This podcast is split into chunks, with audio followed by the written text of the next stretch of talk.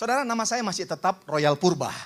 Ya kan? Karena tidak akan pernah berubah nama itu saudara. Itu diberikan Tuhan yang luar biasa. Nah, eh, nggak uh, panjang lebar saudara. Karena saya dikasih waktu untuk 30 menit. Sementara saya ada mau sampaikan poin-poinnya 325 poin buat saudara pagi ini ya kan. Haleluya. Coba kasih senyum sama samping kiri kanannya. Nggak usah buka face shieldnya, nggak usah buka maskernya saudara. Bilang jangan ada dusta di antara kita. Di balik masker ini ada senyuman buat kamu bilang. Kayaknya tegang banget saya lihat, iya kan? Haleluya. Oke ya kan?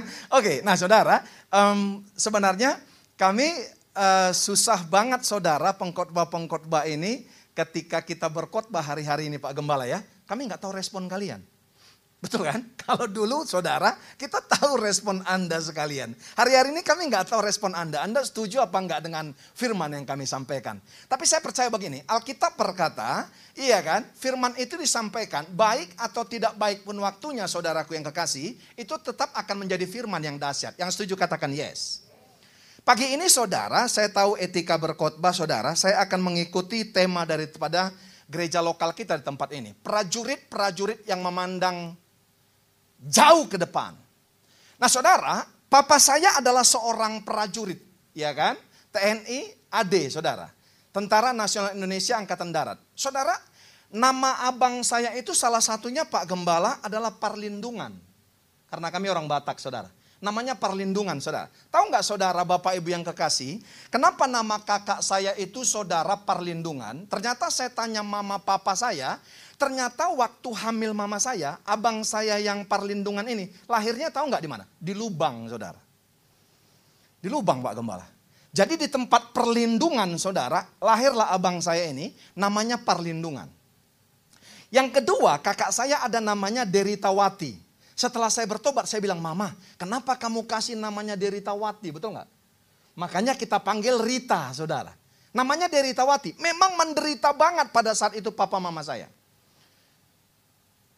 Ternyata memang benar apa yang dikatakan Paulus kepada anak muridnya saudara Timotius. Ya kan? Seorang prajurit itu harus menderita, betul nggak?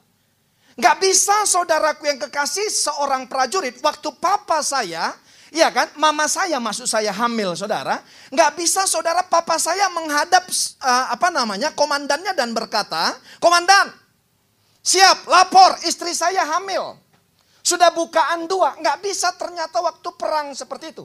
Karena saudara Timotius berkata saudara, haleluya. Prajurit itu tidak memusingkan dirinya sendiri. Nggak bisa saudara. Komandan lapor, istri saya hamil. Komandannya bisa bilang, yang hamil ini siapa? Betul nggak?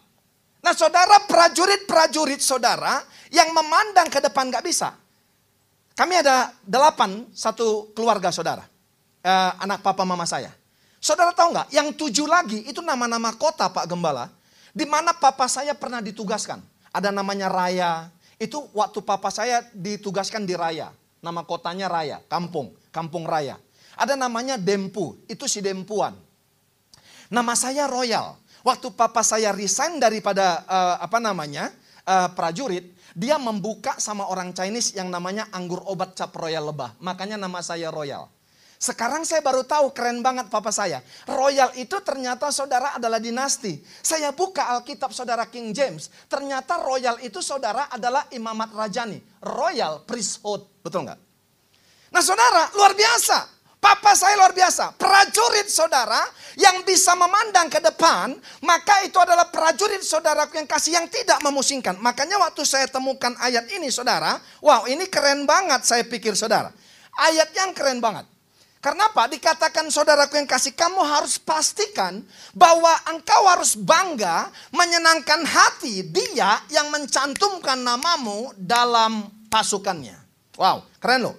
Saya waktu dapatkan ini saudara, saya bilang, wow ini ayatnya dahsyat sekali. Kenapa saya katakan dahsyat saudara? Karena memang ayatnya dahsyat. Iya kan? Udah boleh dikonekkan? Sudah bisa dikonekkan? Oke. Okay.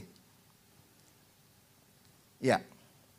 Saya coba konekkan uh, ini saya saudara ya. Tab saya. Saudara bersemangat hari ini mendengarkan firman Tuhan ini? Nangkap sesuatu ya? Jadi waktu saya ketemu saudara, papa saya mengatakan begitu, saya bilang begini, wow dahsyat.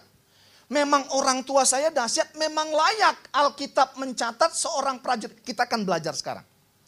Bagaimana seorang prajurit yang bisa memandang masa depan? Saudara perhatikan baik. Ada begitu banyak gelombang hari-hari ini, saudara, ya kan? Ya, ada begitu banyak gelombang hari-hari ini dalam kehidupan kita lewat pandemi ini, betul nggak? Kalau saudara tenggelam, maka saudara tidak akan pernah bisa melihat ke depan. Tapi kalau saudara bisa saudara di atas gelombang itu, maka saudara bisa melihat ke depan. Halo? Betul saudara? Saudara saya mau berkata begini. Bapak Ibu jemaat Tuhan GBI Pastor, Pastor ya, RDMB. Saya mau berkata, habis token listrik di rumah saudara sama habis token listrik di rumah kami yang mbak Tuhan, sama bunyinya. Di rumah saudara kalau habis token listrik gimana bunyinya? Dit, betul ya? Di rumah kami pun sama kalau token listrik habis. Nggak langsung haleluya, haleluya, haleluya. Nggak gitu saudara, betul nggak? Sama persoalan kita. Tapi cara menghadapinya yang berbeda. Bro, udah connect? Sudah connect? Coba kasih sinyalnya uh, ini. Tolong dikonekkan. Haleluya. Oke. Ini tinggal pencet, tinggal pencet desktopnya. Itu. Oke. Bapak Ibu menangkap hari ini amin? Kita akan belajar hari ini saudara dengan yang namanya, ya kan? Satu orang pahlawan yang bernama Gideon. Bagaimana saudaraku yang kekasih, dia bisa saudara, ya kan? uh, apa membawa satu pasukan dan ternyata begini, Tuhan kalau mau bawa sesuatu, Tuhan kalau saudara mau kerjakan sesuatu, Tuhan saudaraku yang kasih kalau mau mencapai visinya, ternyata nggak perlu banyak-banyak orang saudara. Hanya orang yang mau, yang memandang ke depan. Lihat saudara, ya sekarang lagi ribut Ukraina sama apa? Satu lagi Rusia. Saya saudara, saya nggak ada bela saudara, yang mana satu nih saudaraku yang kekasih. Hanya kita mau saudara berdamai, betul nggak? Tapi saya ngelihat saudara, ya Rusia itu saudara, waktu pemimpinnya katakan saudaraku yang kekasih, ura. Saya nggak tahu ura apa murah katanya saudara. Ura, semua bilang apa saudara prajuritnya? Ura, betul nggak? Itu saudara tanda semangat. Mereka sama-sama tujuannya saudaraku yang kasih. Nah, perhatikan baik. Alkitab berkata, ikutlah menderita. Perhatikan, saudara, ya. Ikutlah menderita ini saudara, saya baca uh, terjemahan firman Allah yang hidupnya. Sama seperti aku, Rasul Paulus berkata kepada anak muridnya, Timotius, ya kan, anak rohaninya, sama seperti aku, bersedialah untuk turut menderita sebagai seorang prajurit Yesus Kristus yang baik. Ayat 4, sama-sama kita baca. Yuk, sama-sama kita baca. Dua, tiga, ya. Sebagai prajurit Kristus, janganlah kau biarkan dirimu apa? terikat oleh hal-hal duniawi. Karena jika demikian apa? Sama-sama dengan keras. Dua, tiga ya. Engkau tidak akan dapat memuaskan hati dia yang mencantumkan namamu di dalam pasukannya saudara. Ini terjemahan firman Allah yang hidup. Yang di tangan saudara adalah terjemahan baru ya. Ini terjemahan firman Allah yang hidup. Saudara harus banyak koleksi ya terjemahan-terjemahan supaya bisa belajar dan kaya. Dikatakan saudara sebagai prajurit Kristus Jangan kau biarkan dirimu yang pertama terikat hal-hal duniawi. Karena jika demikian, engkau tidak akan dapat memuaskan hati dia yang mencantumkan nama, namamu dalam pasukannya. Saudara yang menjadi pertanyaan saya, prajurit-prajurit ada nggak kekhawatirannya? Siapa yang bilang ada? Angkat tangannya. Siapa yang bilang nggak ada? Saya percaya yang nggak angkat tangan ini kalau dibawa rapat konsumsi habis kontribusi nggak ada nih biasanya. Saudara prajurit juga punya ketakutan, betul nggak? Saya kemarin lihat saudara yang di Papua, waktu dihabisin KKB apa-apa namanya itu. Delapan orang itu. Menjemput helikopternya saudara, helikopternya saudara nggak akan sampai di bawah, betul nggak? Itu orang dijemputnya bawa senjata. Artinya prajurit itu pun ada ketakutannya. Tapi dikatakan begini, kamu harus memuaskan dia yang mencantumkan namamu di dalam pasukannya. Jadi saudara lihat baik, saudara harus berbahagia dipilih menjadi prajurit-prajurit Kristus. Kalau nama kita dicantumkan, betul nggak? Makanya Alkitab berkata begini saudara. Jangan pernah bangga dulu engkau bisa ngusir setan. Saudara injak kalah jengking, saudaraku yang kasih. Dan engkau saudaraku yang kasih mematikan mengalahkan ular. Tapi berbanggalah kalau ada namamu dalam buku kehidupan, betul nggak? Jadi yang pertama, prajurit yang bisa melihat ke depan. Haleluya. Perhatikan saya. Prajurit yang bisa melihat ke depan apa saudara? Hidupnya tidak terikat oleh hal-hal duniawi. Karena apa? Prajurit terikat kepada apa saudara? Yang namanya apa? Sumpah prajurit. Saudara ada janji kita kepada Tuhan. Kita harus saudaraku yang kasih mengerjakan keselamatan kita. Yang kedua dikatakan saudara, kita harus bangga kepada dia yang mencantumkan nama kita dalam pasukannya. Hari ini kita akan belajar dari satu kebenaran firman Tuhan. Ternyata Tuhan nggak butuh orang banyak-banyak saudara untuk mencapai satu visi. Hari ini banyak yang gentar, banyak yang takut. Tapi saya mau berkata saudara, iya kan? Yang gentar dan yang takut akan Tuhan tinggalkan. Karena apa? Tuhan bisa pakai yang lain. Halo? Halo jemaat yang di rumah, saya mau berkata begini. Jangan pernah engkau berpikir, iya kan? Kalau nggak ada aku nggak bisa pekerjaan Tuhan jalan. Saudara, saya mau berkata hati-hati saudara. Ternyata Tuhan pakai bisa jumlah yang sedikit bisa dipakainya untuk mencapai visi dan tujuannya. Makanya jangan bangga dulu. Wih, karena perpuluhan saya gedung ini berdiri. Bilang sama samping kiri kanan. Gedung ini direncanakan sebelum ada kamu, betul nggak? Maaf ya. Kayaknya nggak diundang lagi nih saya nanti kemari. Iya kan? Jangan bangga dulu saudara. Kita akan buka, mari buka Alkitab saudara, Hakim-Hakim. Ya, Hakim-Hakim 7. Kita belajar dari seorang Gideon pahlawan yang disebut namanya penghancur dan penebang. Hakim-Hakim 7 ayat yang ketiga, iya kan?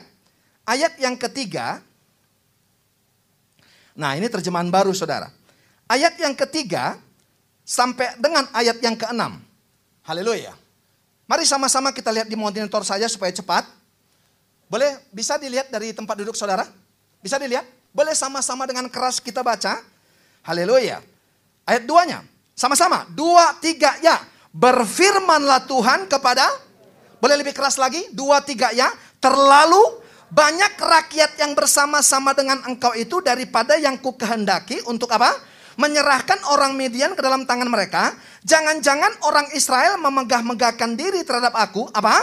Sambil berkata apa? Tanganku sendirilah yang menyelamatkan aku. Maka sekarang serukanlah kepada rakyat itu apa? Demikian, siapa yang takut dan gentar. Ingat, tadi saya katakan apa? Siapa yang takut dan gentar sama-sama dengan keras. Halo jemaat uh, eh, GBI pastor, dua tiga ya. Biarlah apa? Ia pulang, enya dari pegunungan Gilead, lalu pulanglah berapa? 22 ribu orang dari rakyat itu, dan tinggal berapa? 10 ribu, empat. Tetapi Tuhan berfirman kepada siapa? Gideon, masih terlalu banyak 10 ribu. Betul nggak? Suruhlah mereka turun minum air, maka aku akan menyaring mereka bagimu di sana sama-sama. Siapa yang kufirmankan kepadamu, inilah orang yang akan pergi bersama-sama dengan engkau. Dialah yang akan pergi bersama-sama dengan engkau. Tetapi barang siapa sama-sama yang kufirmankan kepadamu, inilah orang yang tidak akan pergi bersama-sama dengan engkau. Dialah yang tidak akan Aha, ayat 5. Lalu Gideon menyuruh rakyat itu turun apa? Minum air dan berfirmanlah Tuhan kepadanya, barang siapa yang menghirup air dengan lidahnya seperti anjing menjilat, haruslah kau kumpulkan tersendiri. Demikian juga semua orang yang apa? Berlutut untuk minum. Enam. Jumlah orang yang menghirup dengan membawa tangannya ke mulutnya ada 300 orang. Tetapi yang lain dari rakyat itu apa? Semuanya berlutut minum air. Nah saudara, ternyata saya lihat kemarin di Youtube Pak Ishak lagi berbicara saudara, ya kan, kuatkan lutut dan tangan yang goyah, betul ya? Nah saudara, di sini saudara ada dua cara mereka saudara, bagaimana mereka, ya kan, bagaimana mereka saudara meminum air. Nah coba saya presentasikan, saya katakan begini, yang gentar hari-hari ini, yang takut, pandemi ini ternyata, saya tadi ngomong sama Pak Gembala, saya katakan, pandemi ini bukan hanya berbicara tentang virus. Tapi tahukah saudara, pandemi ini ternyata berbicara juga assessment, betul nggak? Siapa yang bertahan ikut Tuhan atau siapa yang kabur, betul nggak? Tuhan meluaskan ini ternyata ada masa penampian. Nah, saudara tadi sudah baca, saudara. Coba saudara perhatikan ya. Saya coba presentasikan kepada saudara pelan-pelan. Tadi saudara yang kekasih, pertama dikatakan berapa orang yang ikut? 32 32 ribu, betul nggak? Saudara waktu dikatakan siapa yang takut, siapa yang gentar, berkurang langsung saudara. Berapa? 22 ribu. Ini saudara saya hitung, ini 70 persen Bapak Ibu yang kekasih. Berarti saudara lihat baik. Kalau saudara 32 ribu kurang 22 ribu, sisanya cuma 10 ribu. Halo? Nah 10 ribu ini saudaraku yang kekasih. Ya Tuhan bilang apa? Bawa ke bawa ke sungai. Bawa ke sungai saudaraku yang kasih. Ternyata di sini orang dibagi dua lagi Bapak Ibu yang kasih. Perhatikan baik. Halo? Iya kan? Yang pertama saudara, yang pertama mereka minum saudara, mereka berlutut saudaraku yang kekasih. Lihat baik saya. Berlutut mereka Bapak Ibu yang kasih. Mereka meminum seperti anjing. Langsung seruput air sungai. Tapi tahukah saudara, yang kedua, mereka mengambil air dan mereka saudara menyeruput dari tangan mereka. Apa perbedaannya Pak? Yang pertama, mereka berlutut saudara seperti anjing. Yang kedua, pakai tangan saudara. Halo? Apa perbedaannya saudara? Yang berlutut ini Bapak Ibu yang kekasih. Kalau seruput seperti ini, ilmu perang, ini prajurit ini nggak bisa lihat ke depan. Nangkap nggak? Nangkap saudara? Uh, Bapak Ibu bisa ngikutin saya nggak? Saudara pura-pura tunduk aja, pura-pura ngerti biar saya semangat saudara. Saudara ternyata begini, kalau berlutut saudara, berlutut dia minum saudara yang kasih airnya, dia matanya nggak bisa pandang ke depan. Tapi tahukah saudara kabar baik buat kita, perhatikan baik, kabar baik buat kita, haleluya. Kalau dia ambil airnya, dia seruput dari tangannya, matanya bisa melihat ke depan, betul nggak? Kalau ada musuh yang datang, betul nggak? Nangkap saudara? Nangkap saudara? Nah saudara kita kadang-kadang lemah, kita kadang-kadang lelah, kita kadang-kadang capek saudara. Kenapa saudara? Kenapa kadang-kadang lutut kita goyah? Kenapa saudaraku yang kekasih kadang-kadang tangan kita tidak bertenaga? Kadang-kadang kita salah pakai. Waktu berlutut saudaraku yang kasih, waktu tangan kita dilipat, harusnya waktu syakah. Waktu kita berdoa, kita gunakan untuk bekerja. Berapa banyak di antara kita saudara? Engkau gunakan lututmu, engkau gunakan tanganmu. Bukan waktunya saudara, betul nggak? Pak, pagi-pagi itu saudara waktunya berlutut, betul nggak? Waktunya berdoa melipat tangan, betul nggak? Kamu pakai untuk apa? Kamu udah nelponin orang untuk bisnis, betul nggak? Halo, halo, Makanya kita saudara capek. Saudara perbedaan mereka apa? Waktu saya catat ini saudara, wow, yang berlutut saudara. Makanya lihat, dari 10 ribu, 10 ribu saudaraku yang kasih, halo, dari 10 ribu ini saudara, di assessment lagi, sisa berapa saudaraku yang kasih? Sisa berapa? 300. Saudara berarti apa? 300 ini berarti cuma 3 persen. 97 persennya saudaraku yang kasih pu, pulang. Makanya Alkitab berkata, aku akan pakai 300 orang ini untuk mengalahkan median. Makanya saya katakan begini, Tuhan gak perlu saudaraku yang kasih. Banyak-banyak orang untuk satu visi Tuhan. Karena apa saudaraku yang kasih? Dia bisa pakai jumlah yang kecil. Dari 32 ribu orang ke 300 saudara, itu jauh sekali. Tapi Tuhan hanya pakai 300. Karena apa saudara? kekuatan Tuhan bukan pada kekuatan manusia. Karena apa? Sebenarnya dia bisa kerjakan sendiri. Tapi seperti yang dikatakan Timotius tadi, saudara berbahagialah kalau namamu dicantumkan dalam pasukannya. Berikan tepuk tangan yang paling meriah kepada Tuhan. Boleh lebih lagi, boleh lebih lagi. Haleluya. Sama-sama katakan haleluya. Amin saudara. Amin saudara. Amin saudara. Yang diberkati katakan yes. Nggak bisa pak. Waktunya berdoa kamu pakai bekerja, makanya kita capek. Pengkhotbah katakan begini, saudara. Taburkan benihmu pagi-pagi. Kapan nabur benihnya? Kapan nabur benihnya? Itu berbicara tentang apa, saudara? Jangan kasih tanganmu istirahat waktu petang. Halo? Artinya apa, saudara? Ada waktunya bekerja, ada waktunya kita menabur. Waktu kita diberkati bukan pada saat bekerja. Alkitab berkata apa? Waktu ti, waktu tidur. Halo, naga nggak pak? Kita kadang-kadang salah. Makanya lutut kita kadang-kadang capek. Lutut kita goyah. Prajurit ini saudara. Yang dibawa Gideon ini nggak tahu saudara. Mereka tahu saudaraku yang kasih. Bahwa mereka kalau rakus banyak minum saudaraku yang kasih. Kalau mereka banyak minum. Maka lutut mereka akan kuat.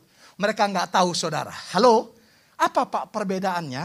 Orang minum dengan tangan, dengan orang menyeruput dengan mulut, saudara. Saudara maafkan saya, saya pernah ikut pramuka, saudara. Nggak tahu Pak Ishak pernah ikut pramuka nggak sama ibu? Saudara dulu kalau pramuka kita diajarkan, kalau air mengalir itu saudara, saudara gini kan saudara air itu, ambil saudara dengan tangan, itu bisa diminum. Karena kalaupun ada racun, itu nggak banyak dapatnya, betul nggak? Ke bawah. Tapi kalau pakai mulut langsung saudara, itu racunnya berarti langsung masuk, betul nggak? Lihat baik. Makanya 9.700 saudaraku yang kasih, pulang kata Tuhan. Aku butuh cuma 300, karena apa? Ternyata 300 ini yang pertama saya katakan orang yang tahu nilai-nilai. Orang yang tahu etika. Yang kedua yang 300 ini orang yang tahu berhikmat saudaraku yang kasih. Mereka punya visi. Mereka bisa memandang ke depan bahwa memang mereka prajurit yang luar biasa. Hari ini mendapatkan sesuatu saudara? Hari ini mendapatkan sesuatu? Saya mau berkata, halo jemaat Tuhan. Ini saatnya. Engkau yang takut dan gentar pulang. Orang sibuk sekarang membicarakan metaverse. Halo? Metaverse tahun 1962, saudara. Itu saudara cikal bakalnya sudah ada. Seorang Morton Health. Dia sudah menemukan yang namanya sensorama. Kita nonton saudara di satu tempat, di satu mesin saudara, time mesin namanya. Itu kita bisa saudara melihat yang namanya tontonan kita. Seandainya saudara di kebun binatang, itu bisa Anda merasakan aroma binatang dan merasakan tanah-tanah, ya kan, aroma tanah. Dan saudara bisa saudara merasakan angin. Cikal bakalnya sudah ada. Tahun 62, tahun 90 sekian saudaraku yang kasih berkembang. Itu pakai home theater nontonnya dan segala macam. Saya katakan metaverse ini saudaraku yang kasih peluang atau tantangan. Tergantung gerejanya, betul nggak? Matius 24, 14 katakan Injil kerajaannya harus diberitakan sampai ke ujung dunia. Gimana caranya? Kamu di Bandung terus, betul nggak? Kalau kita ke ujung dunia, harus spend dana yang banyak, betul nggak? Kita ditolong dengan media. Kita bisa di tempat yang lain, saudara, di dalam waktu yang sama. Tapi misi kita membawa orang yang dalam metaverse. Bukan kita larut di metaverse-nya. Bawa orang yang dari metaverse kepada yang reality. Dari virtual reality kepada yang reality, betul nggak? Kenalkan Tuhan berjumpa pribadi. Karena begini, di metaverse nanti ada kelemahannya. Semua bisa dilakukan di sana saudara. Makanya pelayan-pelayan Tuhan saya mau berkata, lu jangan bangga dulu sekarang saudara. Nanti makin sedikit berarti saudaraku yang kasih tenaga kerja yang dipakai, betul nggak? Lu kalau masih dipakai sekarang multimedia, kamu masih dipakai sekarang keyboard, drum dan segala macam. Banggalah masuk dalam pasukan ini. Sebentar lagi bisa pakai satu alat aja, musik saudara, cuma butuh WL atau tidak dibutuhkan WL. Bisa putar musik saudara kita ibadah. Makanya jangan bangga. Harusnya bersyukur saudaraku yang kasih. Engkau dipilih menjadi royal priesthood. Engkau dipilih menjadi pelayan, betul nggak? Masuk dalam pasukan ini. Bangga saudara. Um, ini sudah saya sharingkan kepada gembala saya, makanya saya berani ceritakan. Kami punya sekolah saudara. Namanya New Life Academy. Karena nama gereja kami di Bekasi adalah New Life Community. Hari-hari ini saudara, karena gereja yang support sekolah, sekolah ini saudara. Hari-hari ini kesusahan saudara yang namanya untuk gaji guru. Karena sekolah kami itu saudara, uh, sekolah yang bagus saudara dan berbahasa Inggris. Kesusahan bayar guru karena memang uh, kontribusi jemaat untuk gereja begitu minim, betul nggak? Pemimpin saya yang dilibatkan saudara menjadi ketua yayasan. Saya bilang sama sama Pak Rudi, gembala saya. Waktu pada saat dia katakan Pak Roy, kita warning dan lampu merah, kita nggak bisa gaji guru. Saya katakan begini saudara, Pak, ini ada istri saya, saya nggak bisa bohong. Yang pertama saya katakan kepada dia, Pak, jual mobil Alphard saya. Halo pelayan-pelayan, ini masa penyaringan. Kalau Anda nggak bangga jadi pelayan dan jemaat, masuk dalam pasukannya. Hari ini, saya percaya, cepat atau lambat, saudara akan keluar. Karena ini masa penyaringan. Apa jawaban gembala saya saudara? Enggak usah Pak Roy. Itu kan kaki kamu. Jangan Pak Roy. Saudara saya mau berkata, terlepas daripada gembala saya nggak mau saudaraku yang kasih. Saya sudah mengatakan apa yang menjadi bagian saya, betul nggak? Halo, saudara nangkap nggak kira-kira saudara? Bilang sama samping kiri kanan. Tadi yang pertama enak nih khotbah, lama-lama jadi nggak enak bilang. Saya katakan demikian karena saya terlalu bangga Saya dicantumkan nama saya masuk ke dalam yayasan, terlibat dalam penggembalaan, terlibat dicantumkan nama saya untuk saudara kegerakan daripada satu gereja. Betul nggak? Saudara kalau nggak gitu hari-hari ini, lihat prajurit ini, cuma 300 dari 32 ribu orang saudara. Haleluya. Yang pertama saudaraku yang kekasih, 70 persen hilang. Karena apa? Tuhan hanya berkata, satu kali hentakan Tuhan berkata, yang takut dan gentar pulang. Pulang berapa? 22 ribu. Bapak Ibu pertanyaan bagi kita sekarang. Siapa di antara engkau yang gentar hari-hari ini? Lewat pandemi ini. Layak saudara ada ketakutan. Masa depan dan segala macam. Tapi saya mau berkata, Alkitab berkata saudaraku yang kasih. ya. Dan saya mau katakan apa yang dikatakan Alkitab itu. Kita tidak pernah bisa menambahkan satu hasta saja kepada jalan kehidupan kita. Saudara bukan nanti saudara 2 Timotius Rasul Paulus berkata apa saudara? Dia punya anak saudara yang menolong seperti bapak. Menolong bapaknya. Siapa namanya saudara? Timotius, betul nggak? Dia katakan apa? Teman sehati dan sepikir. Karena orang semua egois. Waktu saya baca saudara, sorry, dua Timotius ada atau satu Timotius. Tapi waktu saya baca ayat itu, kok ada nama lain? Namanya siapa Pak Gembala? Epa? Froditus. Kalau Timotius teman saudara sehati sepikir, ternyata Epaphroditus, yaitu dikatakan apa? Teman sekerja dan seperjuangan. Halo? Gampang sekali sekarang pengerja-pengerja berkata, kita sehati sepikir. Tapi tidak mau menjadi teman sekerja dan teman seperjuangan. Bahasa Inggrisnya apa? Seperjuangan? Halo? Betul nggak? Dibutuhkan teman seperjuangan sekarang. Makanya kita menjadi prajurit-prajurit yang memandang ke depan pertanyaan bagi saya. Singkat khotbah saya. Saudara kelompok yang 300 atau kelompok saudaraku yang kasih yang 22 ribu. Atau kelompok saudaraku yang kasih yang 9700. Saudara yang putuskan sekarang. Bagi saya, saya mau masuk sebagai prajurit yang melihat visi ke depan. Yaitu apa? Kelompok 300 ini. Karena apa? Saya bangga nama saya dicantumkan dalam buku kehidupan. Masuk dalam pasukannya Tuhan. Yang setuju katakan amin. Yang setuju katakan amin. Yang setuju katakan amin. Yang setuju katakan amin.